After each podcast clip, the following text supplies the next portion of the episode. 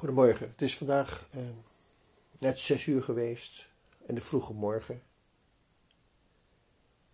En het is zondag, zondag 27 juni 2021. En ik wil deze podcast maken over het onderwerp delen. Wat is delen? En waarom is delen belangrijk? Natuurlijk, delen, daar kan je verschillende betekenissen aan toemeten. Delen is bij een som. Een som kan je delen, een getal kan je delen. Delen is dat iedereen een stuk krijgt.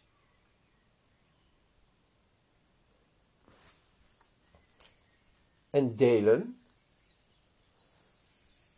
dat zijn letterlijk de verschillende delen. Je hebt allemaal verschillende delen van je lichaam. Maar ik wil het nu even hebben over het delen, in de zin van dat je een woord kunt delen. Niet alleen materiaal kun je delen, ook een woord kun je delen. Mededelen. Maar ook echt delen. Het delen van woorden is eigenlijk iets heel bijzonders. Want als je dat doet, dan kan iets opgebouwd worden. Zonder het te delen, bouw je eigenlijk niet op. Je moet dus gewoon delen. Mededelen. En als je woorden met elkaar deelt, die in overeenstemming met elkaar zijn, dan kan er een verrijking plaatsvinden. Vooral omdat het principe van delen is juist heel erg belangrijk. Als je delen betrekt alleen maar op geld, dan, dan deel je nooit met een arm iemand. Misschien wel niet. Misschien zie je die andere helemaal niet staan. En denk je bij voorbaat: nee, ik ga niet met jou delen. Jij vraagt altijd geld. Of jij kost altijd geld.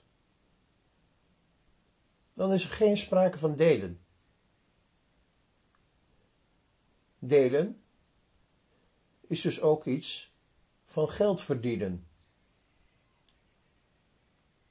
En als je in de gaten krijgt dat wanneer je ja, niet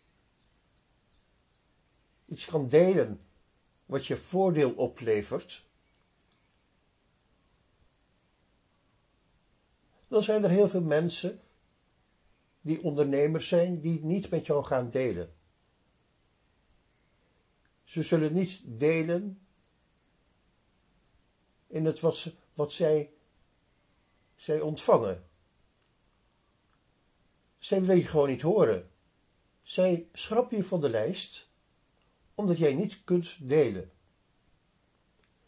Zij zijn vooral gericht op het delen van geld.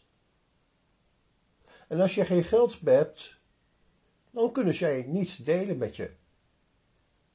Dan word je van de lijst geschrapt. Misschien een keertje voor niks delen, dat is goed. Maar daarna moet je geld hebben. En als je geen geld hebt, dan gaan ze niet met je delen. Zo simpel ligt het. In Nederland heb je ook uh, groepen met ondernemers. Die groepen met ondernemers, die hebben het ook over delen. complimenten delen, rijkdom delen, cadeautjes delen, een soort Sinterklaas. Maar vooral geld delen. En als je geld wilt delen, dan moet je geld hebben. Die club die ik ken in Nederland, of die eigenlijk ook wereldwijd is, heet BNI. Eh, eh, eh, BNI, geloof ik. Wacht even hoor, ik zou het even opzoeken. Ja, ik heb iets gevonden met de betekenis van BNI. B, ja, je moet het altijd uitspreken in het, uh, in het Engels. Dat is een beetje lastig, vind ik. Want uh, je wordt op het ogenblik helemaal doodgegooid vaak met Engelse woorden. Maar ik heb het even opgezocht. En het betekent dus Business Network International. Dus internationaal zakelijk netwerk en werk. En het wordt op het ogenblik volop uitgebouwd in Vlaanderen, Nederland natuurlijk. En dat is een van de grootste aanbeveling marketingorganisaties ter wereld. Een manier waarop eigenlijk mensen met elkaar delen. Nou, dat, die mensen hebben allemaal stuk voor stuk een missie om, om dat delen werkelijkheid te maken. Dus een uh, gestructureerd, positief en professionele aanbeveling voor elkaar.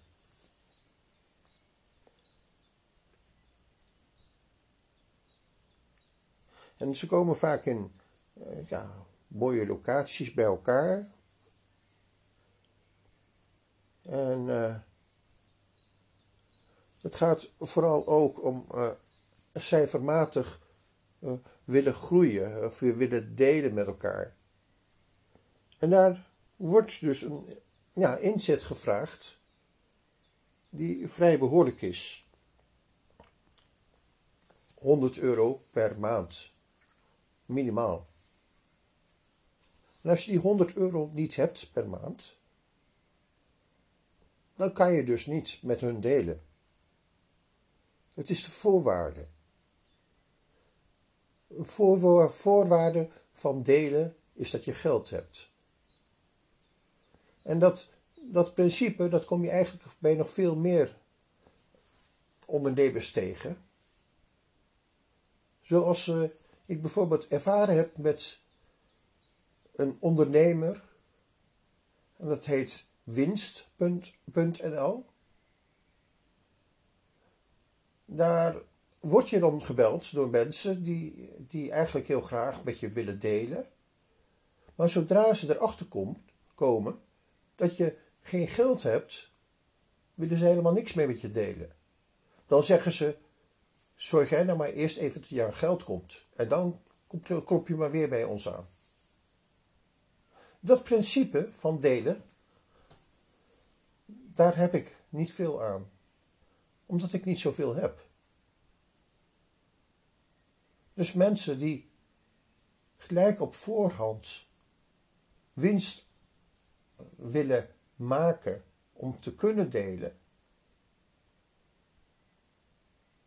die zijn niet aantrekkelijk voor mij.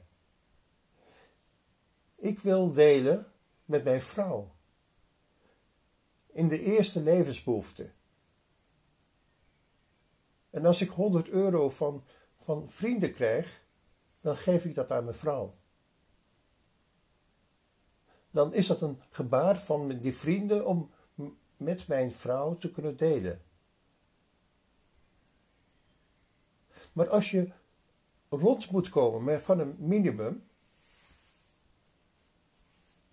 dan is dat heel moeilijk.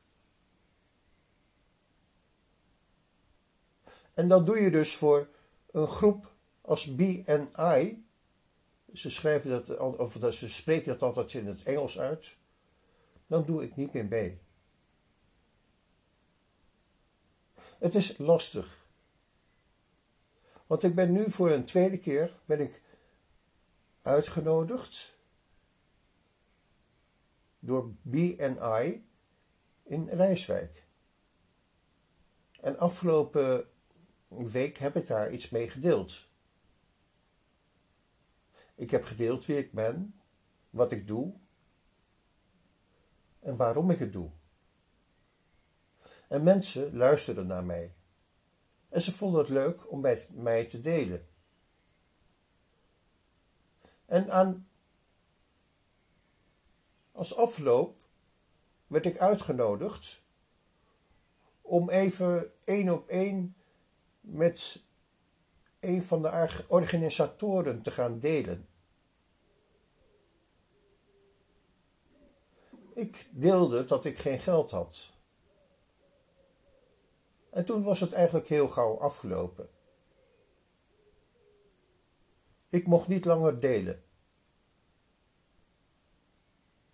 Misschien nog één keer of twee keer, maar dan is het afgelopen. Het is eigenlijk net zoals winst.nl.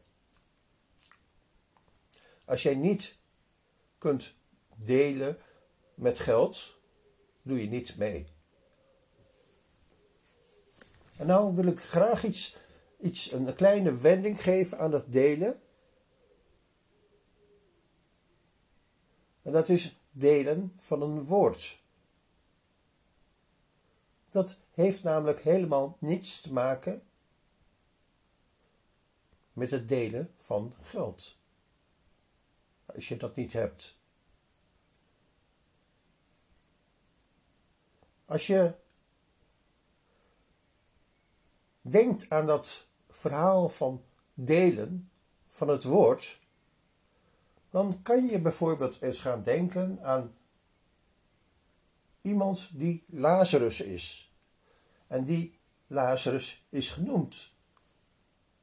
De naam Lazarus is iets heel belangrijks om te delen voor rijke mensen. Want juist dat verhaal van Lazarus is een heel mooi voorbeeld voor alle mensen die in rijkdom van geld met elkaar alleen maar willen delen. Want delen doe je niet alleen bij het geld. Sterker nog, delen doe je veel beter, voornamelijk met het woord wat kostbaar is. En dat is een andere vorm van delen als het delen gelijk met geld, als je dat niet hebt.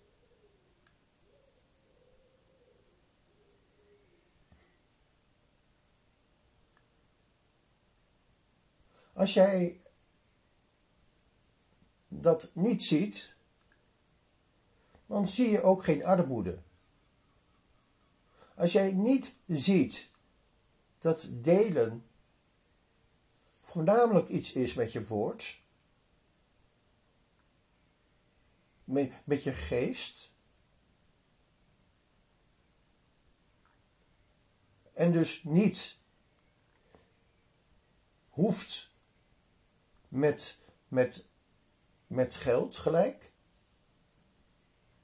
dan heb je een hele grote eh, geestelijke waarde te pakken.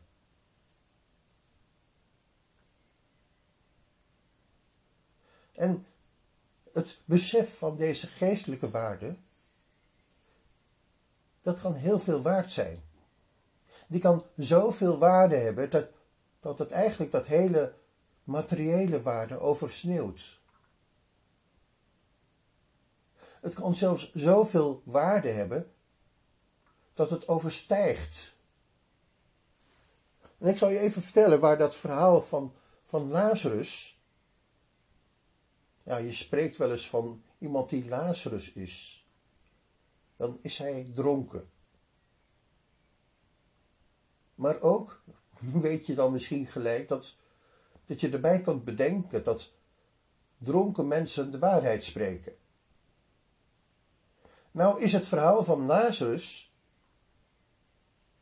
dat gaat over een man die, die zwerver is.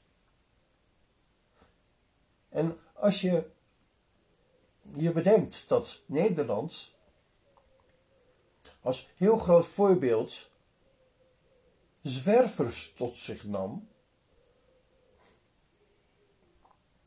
na de Tweede Wereldoorlog, dan weet je dus dat die zwervers een hele belangrijke rol in hebben genomen. En dat was zeker het geval in mijn jeugd. Ik heb vaak met mensen gedeeld dat, dat ik me eigenlijk een beetje verbaasd over dat er allemaal zwervers waren waar ik mee opgegroeid ben. Zwervers, misschien wel zoals Lazarus.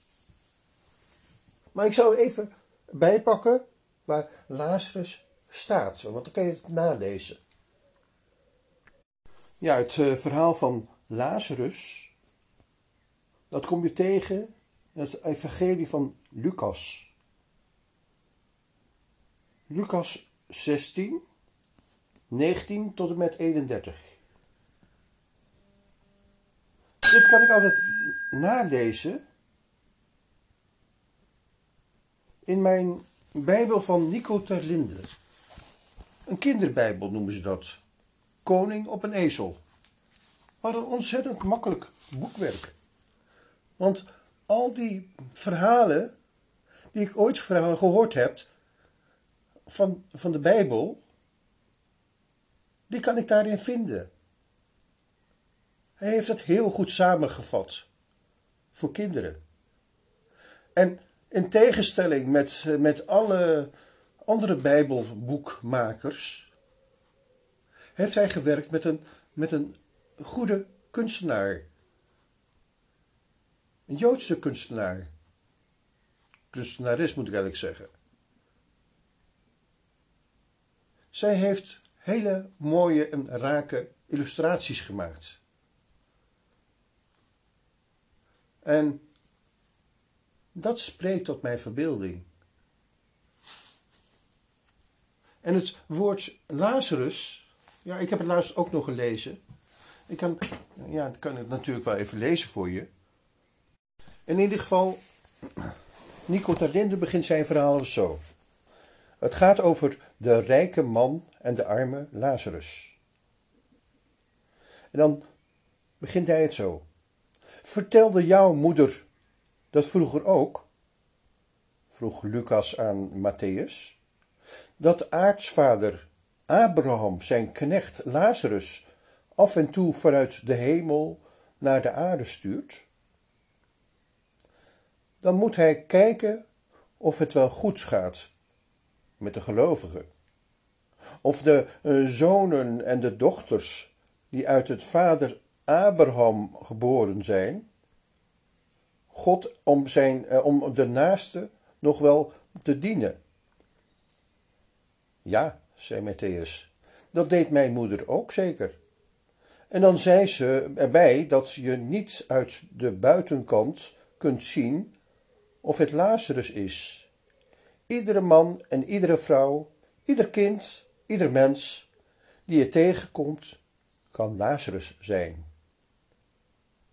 Zo uit de hemel neergedaald. En zorg er dus maar voor, zei mijn moeder altijd en dan, dat Lazarus altijd met goed nieuws naar aartsvader Abraham in de hemel kan terugkeren. Maar waarom vraag je dit eigenlijk, Lucas? Omdat ik met dat veroude verhaal in mijn achterhoofd een nieuw, nieuw, nieuw verhaal heb gemaakt. Moet je maar horen. Ja, en zo vertelt Nico dus in een begrijpbare taal voor kinderen. En hij legt daarbij uit een verhaal wat toch wel heel erg belangrijk is voor alle rijke mensen. En het gaat zo. Er was dus een hele rijke man. Hij had kostbare kleren en hij woonde in een mooi huis, midden in een prachtige tuin, uh, met een uh, hoog uh, hek eromheen. Want hij was bang voor die dieven. Iedere dag vierde hij met zijn vrienden feest. En bij de poort van het hek zat een bedelaar. Lazarus was zijn naam. Hij was dus een arme man. Hij had wat lompen aan zijn lijf en hij had honger. En hij dacht, een rijk man heeft altijd eten over. Misschien mag ik de restjes wel hebben. Maar de rijke man zag, zag hem helemaal niet ten zitten. En de honden van het, uh, van het huis likten aan zijn zweren en wonden. Hun baas liet Lazarus rustig honger lijden. En het duurde niet lang of de bedelaar stierf. En Gods engelen droegen hem naar het dodenrijk. Dat wil zeggen, naar de mooie afdeling van het dodenrijk. Er klonk hemelse muziek en de lampen verspreidden een prachtig licht. En de tafel was feestelijk gedekt, spijs en drank is in overvloed. Kom gauw binnen, Lazarus, zei Abraham. Hartelijk, uh, hartelijk. We gaan net aan de tafel, uh, tafel. Schuif eens op, jongens, zei hij tegen zijn zonen, de zonen van Abraham. En dan, dan kan Lazarus hier zitten. Schep zijn uh, bord vol en vraag hem wat hij wil drinken. Na een tijd stierf de rijke man. Zijn vijf broers droegen hem naar zijn graf op een prachtige, fraaie plekje in de tuin. Hij was een edel mens, jokte zijn broer. Hij zorgde zo goed voor de honden, zei de jongste. En een priester zwaaide met het uh, uh, wierook, uh, wierookvat. En ook de rijke man belandde in het dodenrijk. Maar wel in een andere afdeling. Niet in die van Lazarus. De rijke man sloeg zijn ogen op, op. En wie zag hij als eerste? Lazarus! Op aarde wilde hij hem niet zien. Nu zag hij hem wel, maar slechts van verre want Lazarus zat in de hemelse hoek, vlak naast Abraham. En hij zat in de hoek waar de klappen vielen. Hij zat in de, de, de klap waar de klappen vielen. En de hitte was er onverdraaglijk. Dit was de wereld op zijn kop. Vader Abraham! riep de rijke man. Vader Abraham, kan je me horen?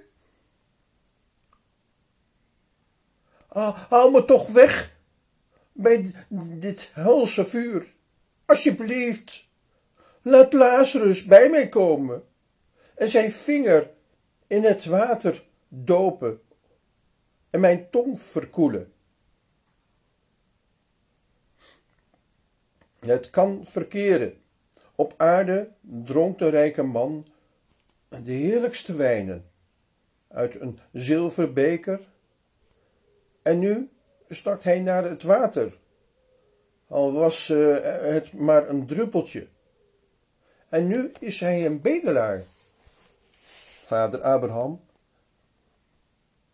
En hij vraagt dan, vader Abraham, help me toch. En vader Abraham antwoordt daarop, hm, dat zal niet gaan. Er gaat een kloof tussen je Lazarus en jou. Jij kan niet bij hem komen en hij niet bij jou. Op aarde was er ook een kloof tussen jullie beiden. En die kloof had je kunnen overbruggen. Maar dat heb je niet gedaan. Nu is het te laat. En de rijke man begreep dat hij uh, uh, verloren was. En hij begreep dat het ook uh, met zijn vijf broers slecht zal aflopen. Hij moest ze waarschuwen. Uh, vader Abraham, wilt u alsjeblieft Lazarus naar, naar de aarde sturen, om mijn broers te zeggen dat ze anders moeten gaan leven? Dat was goed bedacht. Die broers van jou hebben de vijf boeken van Mozes, toch? Daar zit het allemaal in. over het dienen van God en de naasten. En een Bijbel, ja, een Bijbel vol met allemaal goede adviezen. Voor, voor iedere broer van jou is er een boek van Mozes. Wat, wat zou Lazarus daar nog uh, aan kunnen toevoegen aan dat boek? Ach, vader Abraham, zei de, zei de rijke man, ik ben bang dat die broers van mij door die boeken niet tot inkeer komen. Die feesten rustig door. Maar als een, als een gestorvene uit de doden opstaat, daar zullen ze van opkijken. Dan zullen, ze, de, zullen, het edele mensen voor, uh, worden. En daarop antwoordt Abraham: Ik geloof er helemaal niets van. Als ze toch niet aan uh, Mozes, als ze zich niet aan Mozes storen, zullen zij, zullen zij niet luisteren naar iemand die uit de doden is opgestaan. Ja, het is geen vrolijk verhaal, zei Matthäus tegen Lucas. Zachte heelmeesters maken stinkende wonden, zei Lucas. Dit is dus een eh, kinderverhaal uit een kinderbijbel, maar wel vertaald met, met verstaanbare woorden. En daarom vind ik de boeken van, van uh, Nico te Linde vertegenwoordigen een hele duidelijke waarde. Vooral ook als ik denk aan BNI. BNI. Ja. Voor een goede vriend van mij, die ik, waarvan ik nog eens een podcast heb opgemaakt, eh, opgenomen, die zegt ook letterlijk: arme mensen, armoede, dat bestaat niet voor hem. Toch is zijn, zijn beste vriend, en een van, ja, hij ziet mij als een goede vriend, verkeerd in armoede. Hij kon niet toegelaten worden tot zijn colibri, BNI-groep. Nu heb ik dus weer precies hetzelfde meegemaakt met een groep die BNI vertegenwoordigt. Ze geven elkaar rijkelijk allemaal cadeautjes. Ze zorgen dat, dat ze geld kunnen verdienen. Maar je moet allereerst geld hebben om bij de groep te kunnen horen. En dat is dus niet het geval als je het woord deelt. Als je het woord als een waardevol gegeven deelt, dan kan je niet zo denken. Dan denk je ook niet zo. En dat voorbeeld dat wil ik graag laten horen aan jullie. Want ik deelde kort geleden, gisteravond, het, eh, een verhaal wat ik zelf had geschreven. En dat gaat, ging over ja, iets, uh, om iets te delen met elkaar. Dat ging daarover.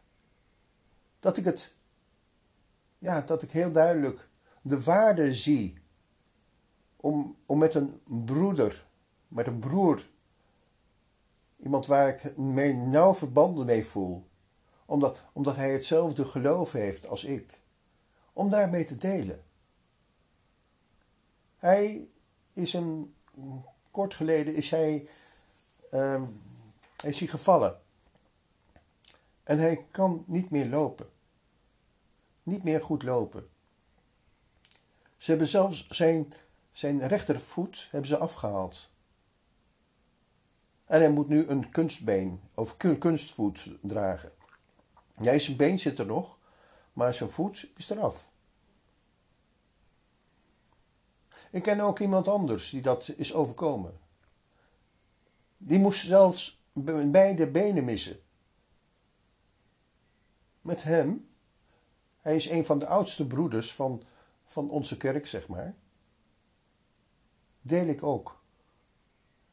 Ik ben als enige broeder misschien wel erg veel, heel veel geweest bij hem. En dan gingen we delen over het woord. Hij was een zeeman geweest. Een ruige zeebonk. En hij heeft nog steeds een tato op zijn, op zijn uh, arm staan. Ik vind het altijd prettig om met hem te delen. En ik hoop dat het ook bij hem overkomt dat ik niet alleen maar deel met woorden, maar dat ik ook deel met beelden. Dat ik ook mijn beelden graag deel. Net zoals ik in de Bijbel van Nico Terlinde net het, het verhaal van, van, van Lazarus heb voorgelezen. Misschien moet ik dat ook eens bij die man zonder benen doen.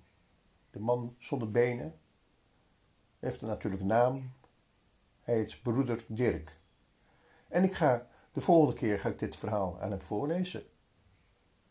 En dan zal ik de verhalen, de, de tekening laten zien. Misschien dat hij er dan wel door geraakt wordt, want hij begrijpt niet altijd of dat ik, dat ik tekenen als een taal beschouw. En ook tekenen is voor mij een hele belangrijke taal. Juist voor mij is tekeningen een belangrijke taal. Oké, tot zover dit, dit delen van het woord.